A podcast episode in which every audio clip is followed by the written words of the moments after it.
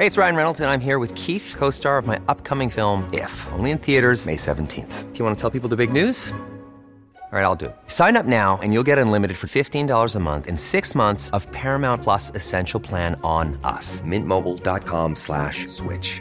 Upfront payment of $45 equivalent to $15 per month. Unlimited over 40 gigabytes per month. Face lower speeds. Videos at 480p. Active Mint customers by 531.24 get six months of Paramount Plus Essential Plan. Auto renews after six months. Offer ends May 31st, 2024. Separate Paramount Plus registration required. Terms and conditions apply if rated PG. I'm Sandra, and I'm just the professional your small business was looking for. But you didn't hire me because you didn't use LinkedIn jobs. LinkedIn has professionals you can't find anywhere else, including those who aren't actively looking for a new job but might be open to the perfect role, like me. In a given month, over 70% of LinkedIn users don't visit other leading job sites. So if you're not looking on LinkedIn, you'll miss out on great candidates like Sandra. Start hiring professionals like a professional. Post your free job on linkedin.com/people today. It's that time of the year. Your vacation is coming up. You can already hear the beach waves, feel the warm breeze, relax, and think about work. You really, really want it all to work out while you're away. Monday.com gives you and the team that peace of mind. When all work is on one platform and everyone's in sync, things just flow wherever you are. Tap the banner to go to Monday.com.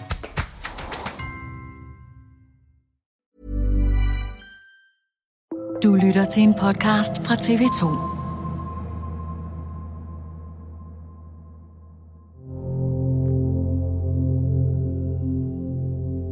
Hvis du øhm, forestiller dig, hvordan Danmark kunne se ud i fremtiden, hvad vil så være det værste mareridt, du kunne forestille dig?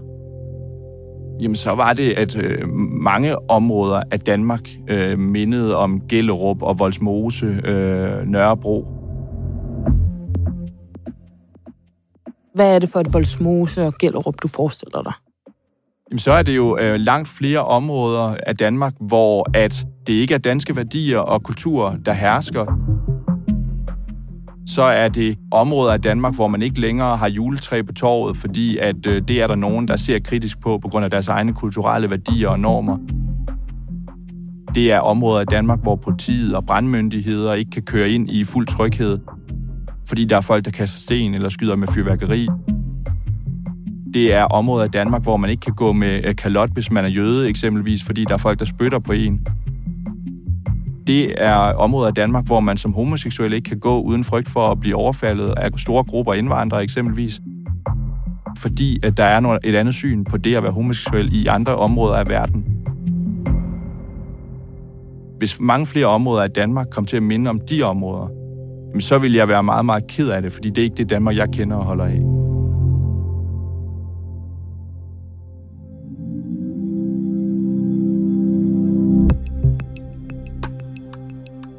Fra begyndelsen af sin politiske karriere har folketingsmedlem Mikkel Bjørn været kontroversiel. Hans kritikere kalder ham rabiat, ekstremist, racist og endda nazist. Forleden skabte han igen overskrifter og forarvelse. Mikkel Bjørn frygter, at indvandring med tiden vil udvande dansk kultur. At julefester, faste lavn og danske traditioner bliver for de få, i stedet for en del af hverdagen. Men når eksperter ser ud i fremtiden, så vil indvandrere og efterkommere stadig udgøre en minoritet. Men vil deres kultur også det? Og hvornår er man egentlig dansk nok til Mikkel Bjørn? Det er dato i dag. Mit navn er Andrea Dragsdal.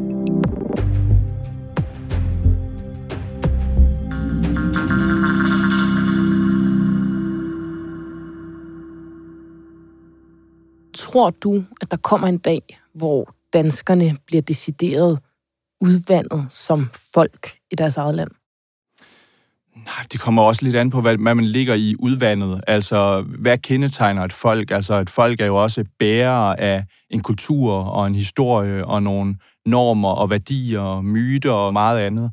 Øh, og det er klart, hvis, øh, hvis de kulturelle værdier, øh, som kendetegner Danmark og er med til at definere det danske folk, kommer til at fylde meget mindre i fremtiden, jamen så er det jo en udvandring det er afgørende for mig, at Danmark også i fremtiden, også om, altså med, på, hvis man tager de længere øh, briller på, altså også om 100, 200, måske 500 år, stadig er kendetegnet ved grundlæggende øh, danske værdier og dansk kultur. Det er klart, at kultur forandrer sig jo altid og har altid gjort det men den der, hvad skal man sige, meget revolutionære omkalfatring, hvor at udviklingen og forandringen sker så hurtigt, at det ikke er en organisk udvikling, men noget, der sker øh, meget, meget, over meget korte tidsperioder. Det er ikke en udvikling, vi øh, hvad skal man sige, ser med milde øjne på. Det er det ikke. Mikkel Bjørn, du er medlem af Dansk Folkeparti, efter du skiftede fra Nye Borgerlige. Oprindeligt var du endda medlem af Konservativ Ungdom. Det er, der var helt unge, ja. Det er rigtigt. I dag er du også formand for Indfødsretsudvalget. Det er dem, der på Christiansborg sidder og behandler blandt andet, hvem der skal tildeles dansk statsborgerskab, mm. og sidder med sådan nogle sager. Ja. Når jeg følger dit politiske arbejde, så øh, er jeg nogle gange kommet til at tænke lidt på Pia Kærsgaard. Mm. Hun øh, markerede sig på det, der dengang hun var ny i politik, blev betragtet som yderliggående og ekstremistiske holdninger mm. øh, i udlændingedebatten. Mm. I dag, hvor hun lige har holdt 40 års jubilæum, så er hun blevet takket og rost mm. for den forskel, hun har gjort for dansk politik. Ser du dig selv som sådan en nyere tids Pia Kærsgaard, en, der går forud for sin tid? Nej, det gør jeg ikke. Jeg vil ikke sammenligne mig selv med Pia. Jeg synes, hun har været uovertruffen. Øh, men, men selvfølgelig vil jeg da håbe, at øh, om mange år, når folk kigger tilbage, at så kigger de tilbage på min indsats i dansk politik, også fordi Danmark forhåbentlig er et andet sted der, med mere milde øjne, end nogen i hvert fald gør i dag. Øh, fordi der er jo mange i dag, der har en tilbøjelighed til at kalde mig alverdens øh, grimme ting, øh, og det lever jeg fint med. Jeg, jeg, jeg, jeg har det egentlig bedst i modvind, så på den måde, så gør det mig ikke rigtig noget. Men nogle af de ting, du er blevet kaldt, mm. er jo helt vildt. Altså, nazist, Ja, men det er klart, altså nogle gange er anklagerne jo absurde, og det har jeg selvfølgelig ikke godt med, men, men det er heller ikke noget, der rører mig. Altså, så bliver det nogle gange så absurd, at hvis jeg skulle sidde og græde snot over, at folk øh, på Twitter eller et eller andet sted på en anonym profil kalder mig et eller andet grimt, så kunne jeg jo ikke lave andet. Lad os øh, springe ud i det, og lad os tale lidt om tallene. Mm.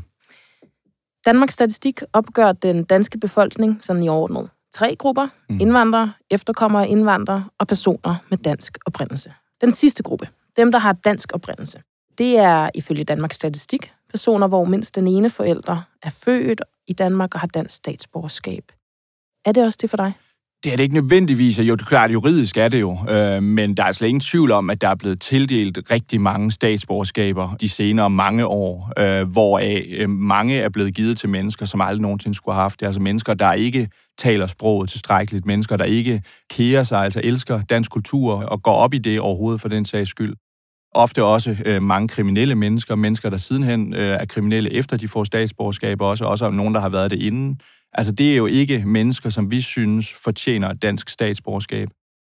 I dag er det sådan, at 84 procent af befolkningen i Danmark har det, der bliver kaldt for dansk oprindelse, ifølge Danmarks Statistik. Og hvis mm. vi ser ud i fremtiden, frem til 2070, altså om 46 øh, år, mm. så vil det være 22 procent af befolkningen i Danmark, der mm. ikke har dansk oprindelse. Altså lige omkring hver femte. Så i 2070, der vil danskerne stadig være i markant overtal, kan man mm. sige. Yeah. Når man er bange for noget, Mikkel Bjørn, mm. for eksempel at danskerne skal blive udvandet, er det så ikke en kæmpe lettelse at finde ud af, at det ikke er tilfældet? Mit øh, succeskriterie er ikke, at danskerne øh, ikke er i mindretal i 2070. Altså, det vil være øh, absolut minimum. Det bekymrer mig meget, hvis det var tilfældet. Øh, så øh, nej, nej, øh, jeg synes stadig, der er en velbegrundet bekymring. Det er vigtigt for mig, at Danmark også i fremtiden er kulturelt dansk og præget af danske kulturværdier og normer. Både når vi kommer mere i dybden med, at, at mennesker har forståelse for historien og myterne og fortællingerne og litteraturen og sangene og meget andet, men jo også øh, de mere sådan, hvad skal man sige, øh, de mere vestlige værdier omkring ligestilling og respekt for øh, homoseksuelle og jøders rettigheder og demokrati og retsstat og alle de her ting. Men du bruger ord som, at noget bliver erstattet. Altså, at noget står i stedet for noget. Og det kan man jo ikke tale om. Det Men når du bruger ord som ja. erstattet, så er det jo nemlig, det står i stedet. Ja, altså det gør det jo også nogle, i mange områder af Danmark. Altså områder, hvor der tidligere var øh, dansk kultur over det hele, og juletræ, og Dannebro, og dansk sprog, og danske øh, skilte på butikkerne osv. osv. Der er jo områder af Danmark i dag, hvor at det er den modsatte udvikling, der gør sig gældende. Men inden vi ligesom dykker rigtigt ned i begreberne, så skal mm. jeg bare lige forstå. Vil du sige sætningen, jeg er ikke bange for, at danskerne er ved at blive udvandet i eget land. Nej, øh, nej. Jeg bruger de ord og begreber, som jeg synes er de rigtige øh, og de mest, hvad skal man sige, øh, de mest tydelige i forhold til det, jeg prøver at kommunikere. Men der er ingen tvivl om, at jeg frygter da, og det vil jeg da gerne indrømme, jeg frygter da, at dansk kultur på sigt bliver udvandet, hvis ikke vi begynder at føre en anden udlændingepolitik, end den vi har gjort igennem rigtig mange år. Og det er jo det, der ligger i ordet udvandring. Altså hvis du har en, en kop kaffe, og så hælder noget vand i, eller noget, øh, noget andet i for den sags skyld, så bliver kaffen jo udvandet. Øh, og der er det jo vigtigt, at øh, de øh, mennesker, der kommer hertil fra andre lande, at det er mennesker, der evner og også tager initiativ til selv at tage dansk kultur til sig, øh, tage del i det danske civilsamfund, øh, lære det danske sprog osv. osv. osv. Og der har vi bare igennem en lang årrække taget imod alt for mange mennesker, som øh, har gjort det modsatte, som øh, gifter sig med deres egne kulturelle øh, fælder igennem flere generationer, oven i købet henter folk hertil fra udlandet, i stedet for at gifte sig med folk, der bor i Danmark. Jeg har brug for at forstå, hvad der for dig dækker over de her ord. Mm. Og vi begynder med kategorien indvandrer. Mm. For Danmarks Statistik er det mennesker, der kommer hertil, mm. indvandrer. Mm. Er du enig så langt? Ja, det er jo folk, der er i Danmark øh, uden dansk statsborgerskab, og som ikke øh, har taget dansk kultur og danske værdier øh, til sig. Altså indvandrere er jo selvfølgelig øh, folk i første omgang, der er indvandrede. Øh, og så er der jo så begreberne anden og tredje generations indvandrere, som så er børn af de mennesker. Øh, ja. Og der bruger Danmarks Statistik ordet efterkommer, mm. og hvis øh, børnene af indvandrerne så har fået dansk statsborgerskab, og de er født i Danmark, så får de børn, som altså børnebørnene af indvandrerne, mm. så kan de blive sat i kategorien af dansk oprindelse. Og her taler vi om det, du kalder tredje generations indvandrere. Mm. Altså, de det... mennesker mener du ikke er danskere? Øh, jo, men nogle af dem er. Øh, men der er også nogle af dem, der ikke er. Altså, der er også tredje generations indvandrere, som øh, helt ude i tredje generation, øh, og det synes jeg i virkeligheden er, at, at det er uhyggeligt, er stadig lever efter parallelle kulturelle værdier og normer, øh, stadig er markant overrepræsenteret i eksempelvis kriminalitetsstatistikker, underbeskæftigelsesstatistikker osv. osv. Det synes jeg er bekymrende, og jeg, nej, de mennesker betragter jeg ikke øh, som danske. Og det uanset om man er i første led eller femte led? Jamen, jeg synes sådan ikke, det er ledende, der er afgørende. Det afgørende er, om man tager dansk kultur og danske værdier, dansk sprog til sig, øh, og ser den danske befolkning som sin befolkning, og den danske historie som sin historie. Og gør man ikke det, jamen så synes jeg, så synes jeg, vi har en udfordring. Lad os dykke ned i det her med kultur. Mm. Hvad er dansk kultur for dig? Dansk kultur er rigtig mange ting. Det er fortællinger, det er jo øh, historie, det er myter, ritualer, humor, skikke, vaner, sprog. Altså, det, det er så mange ting. Og det er jo der, hvor jeg synes, diskussionen om danskheden bliver i virkeligheden nogle gange lidt fattig. Altså, fordi at jeg synes ofte, øh, når nogen skal forklare, hvad dansk kultur er, så det eneste, de kan fremstamme, det er noget med ligestilling og demokrati og sådan noget. Det er jo fine ting. Men gik du ud og spurgte en eller anden tilfældig person i verden, kender du et land, der går ind for ligestilling og demokrati? Kan du nævne, hvad det er for et land? Så er det ikke sådan, at Danmark nødvendigvis vil være øverst på listen over lande, man vil nævne, for det er jo noget, der kendetegner mange lande. Hvorimod vores myter og fortællinger, vores fælles historie, vores sprog, det er jo alle de ting, der virkelig er den inderste kerne af det danske. Og det er jo der, hvor jeg gerne så, at mange flere af de mennesker, der er her, og særligt dem, der har fået dansk statsborgerskab, tog fuldtonet del i den danske kultur, som jeg synes er helt fantastisk, og som jeg ønsker skal kendetegne Danmark også i fremtiden. Og nu har vi kredset lidt om det der med, hvad er det præcis for nogle ord, jeg bruger, eller andre bruger, om hvad du er bange for. Mm. I virkeligheden vil jeg bare bede dig om så selv at sige, brug dine helt egne ord. Jeg lægger ikke nogen ord i munden på dig nu, så jeg siger hverken udvandet eller noget andet. Nej. Hvad er du bange for? Jeg er bange. Jeg, altså, jeg er ikke bange af natur, men, men jeg er da bekymret for, om Danmark i fremtiden også er et land, der er lige så trygt, sikkert og velstående, relativt velstående, som det, jeg selv er opvokset i. Og det er vigtigt for mig, at mine kommende børn, kommende børnebørn, de vokser op i et land, der er lige så trygt, sikkert og velstående, som det, jeg selv er opvokset i. Og som også er grundlæggende lige så dansk. Og det er jo der, hvor jeg er bekymret for, om øh, de kommer til at vokse op i et land, som er relativt mere utrygt, mere usikkert, mindre velstående, end det ville have været, hvis vi havde ført en anden indvandringspolitik. Og hvorfor skulle det blive det? Hvorfor skulle det blive mindre trygt? Jamen det er jo blandt andet fordi, at vi kan se, at indvandring fra særligt visse områder af verden, at de mennesker, der kommer fra de lande, jo det er jo ikke alle, men der er en markant overrepræsentation i særligt den grove personfarlige kriminalitet for de grupper. Som det er dog også... er faldende på generelt plan. Ja, men som er stadig er meget, meget markant for visse grupper. Det er jo også en bekymring for, om den terrorrisiko, vi har, altså det, at der står store øh, betonblokke rundt i København og i andre større byer, det, at vi har i mange år ført en, en meget åben dør politik, der har betydet, at rigtig mange mennesker har haft mulighed for at komme hertil, at det betyder, at dørene indad til, i stedet for at lukke. At det, at man kan stille barnevognen ud på gaden i fuld tryghed, som andre lande jo har kigget på Danmark med i stor forarvelse, fordi de tænker, hvordan kan det lade sig gøre? Det kan vi ikke i vores land. Det, at man kan have en jordbærbod ude ved vejen med syltetøjsglas, som folk kan smide en mønt i, uden bekymring for, om der kommer en eller anden bil forbi på et tidspunkt, der pludselig snupper syltetøjsglasset. Det er jo en bekymring for, at det, at vi fører en meget åben dør politik, betyder, at mange af de indre døre, det vil sige den tryghed, der kendetegner Danmark, som gør, at folk lader deres dør stå åben, stiller barnevogn ud på gaden eller stiller syltetøjsglasset ud til vejen, at den aftager og bliver mindre. Og jeg elsker, hvad skal man sige, de åbne indre grænser, vi har i Danmark. Men det synes jeg også forudsætter, at vi fører en mere restriktiv grænsepolitik udad til, i forhold til, hvilke mennesker vi, vi tager imod. Og nu taler du om terror, mm. som øh, mange naturligt nok er bange for. Når mm. vi ser på efterretningstjenesternes vurdering og, deres sådan, vurdering af, hvad man faktisk skal være bange for, så siger mm. de også, at de i stadig højere grad er bekymret for højere radikal terror.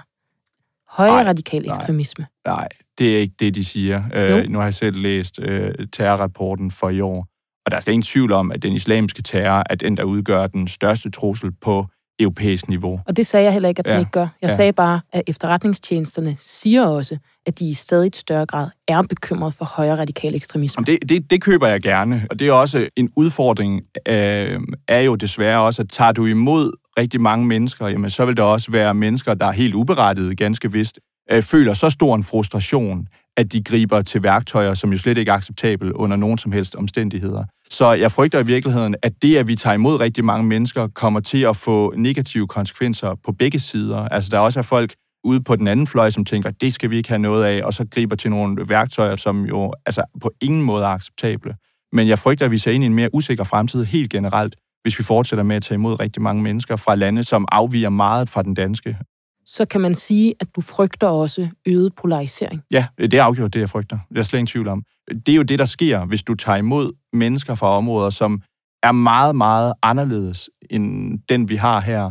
Jamen, så vil der ske polarisering, fordi at trygheden er størst i samfund, hvor at der er en grundlæggende samhørighed og fælles forståelse fælles historisk referenceramme og fælles kulturelle normer. Med de ting, du siger, mm. med den måde, du optræder i den politiske debat, mm. er du så ikke med til at grave den kløft større, at øge polarisering? Tværtimod nej, synes jeg faktisk, at det, at vi taler om problemerne ærligt og åbent øh, og fægter med åben pande, tror jeg i virkeligheden er, er med til at tage broden af den polarisering, som der ellers ville have været. Fordi hvis folk oplever en udvikling i deres land, som de slet ikke kan se sig selv i, og de ikke føler, at der er nogen, der giver stemme til den frustration, og at man ikke må tale om de problemer, som man oplever på daglig basis, jamen så tror jeg i virkeligheden, at frustrationen kan lede til nogle meget, meget værre ting og meget værre konsekvenser, for så bliver det en trykballon, ikke også, som på et eller andet tidspunkt brister, og så sker der så stor en polarisering, at vi kommer til at altså, opleve meget, meget større utryghed og usikkerhed og meget andet. Mener du, at det ultimative mål, det burde være assimilation. Ja. Og hvordan skal det ske? Det skal jo ske ved, at mennesker, der er i Danmark med en anden øh, kulturel baggrund, at de tager del i den danske kultur og, og ender med i sidste ende at se den kultur som deres kultur. Hvordan? Øhm, Hvordan skal de gøre det? Det skal de jo gøre ved at købe ind på den kultur. Altså fejre jul og faste lavn og øh, læse danske bøger for deres børn, og øh, synge danske sange, og tage til øh, arrangementer nede i det lokale faste lavnshus, og, eller, hvad hedder det, øh, ikke faste lavnshus, øh, forsamlingshus, forsamlingshus. undskyld. Øh, ja, det, det er jo sådan, at, mm. at, man, at man tager del i den danske øh, kultur, og hvis flere indvandrere gør det, og gjorde det, øh, der er der mange, der gør, men der er også mange, der ikke gør, jamen så tror jeg, vi vil se ind i en meget øh, lysere fremtid, end jeg umiddelbart øh, tænker, vi gør i øjeblikket. Når jeg spørger dig til øh, sådan konkrete eksempler på, hvornår man så kan være dansk, eller have taget Mhm. den danske kultur til sig. Så har du jo så en liste over jul, fastelavn, fælleshuse osv. Ja, det var bare en få eksempler. Hvis jeg skulle lave en liste, der beskrev det hele, så havde den været flere kilometer lang. Men øh, ja. Den vil jeg gerne se. ja. Men Og det er jo ikke sådan, at hvis der er en af tingene, man ikke gør, hvis man for eksempel ikke fejrer fastelavn, så er du ikke dansk. Altså, det er jo en palette og en fællesmængde, som man gerne skal, hvad skal man sige, tage del i øh, overordnet set. Men det er jo ikke de enkelte delelementer, der udgør det store hele. Og der er vel også dele af dansk kultur, der er enormt forskellige på tværs mm. af Mhm. Danmark. Ja, det er der. Så den checkliste, den er vel svær at lave, Men fordi det er, den vil det er være ikke en forskellig. check, det er, fordi det ikke er en checkliste. Altså, det er det ikke. Det er en fællesmængde af værdier, kultur og historie og normer, som man overordnet set skal købe ind på, hvis man skal være en del af det danske samfund. Og det er det, jeg håber, at folk kommer til, øh, hvad end de er indvandrere eller danskere for den sags skyld. Og hvorfor skal du definere den liste? Men Det skal jeg heller ikke. Men jeg har selvfølgelig min, hvad skal man sige, øh, definition på, hvad det er for en fællesmængde, der overordnet set kendetegner Danmark. Så er der nogle andre mennesker, der har en anden definition, men det ændrer jo ikke på, at der er en substantiel fællesmængde. Det er jo det, der gør, at vi har et land.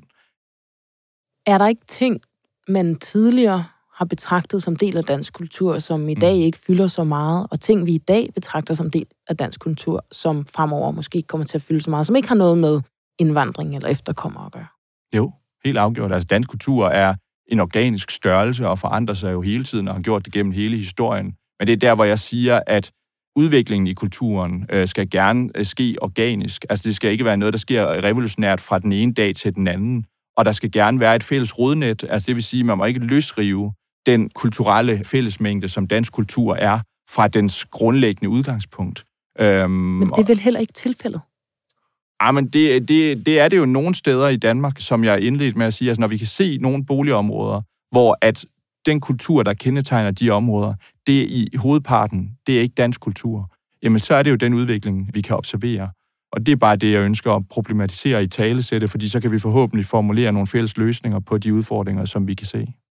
Tror du, danskerne kommer i undertal? Det øh, håber jeg ikke. Mille Bjørn, tak fordi øh, du vil være gæst i Dato i dag. Selv tak.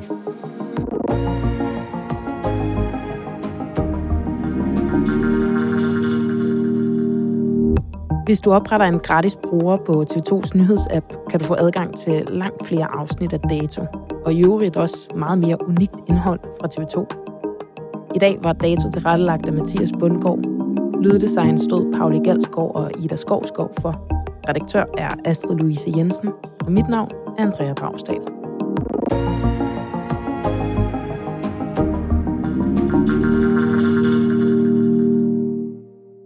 Har lyttet til en podcast fra TV2.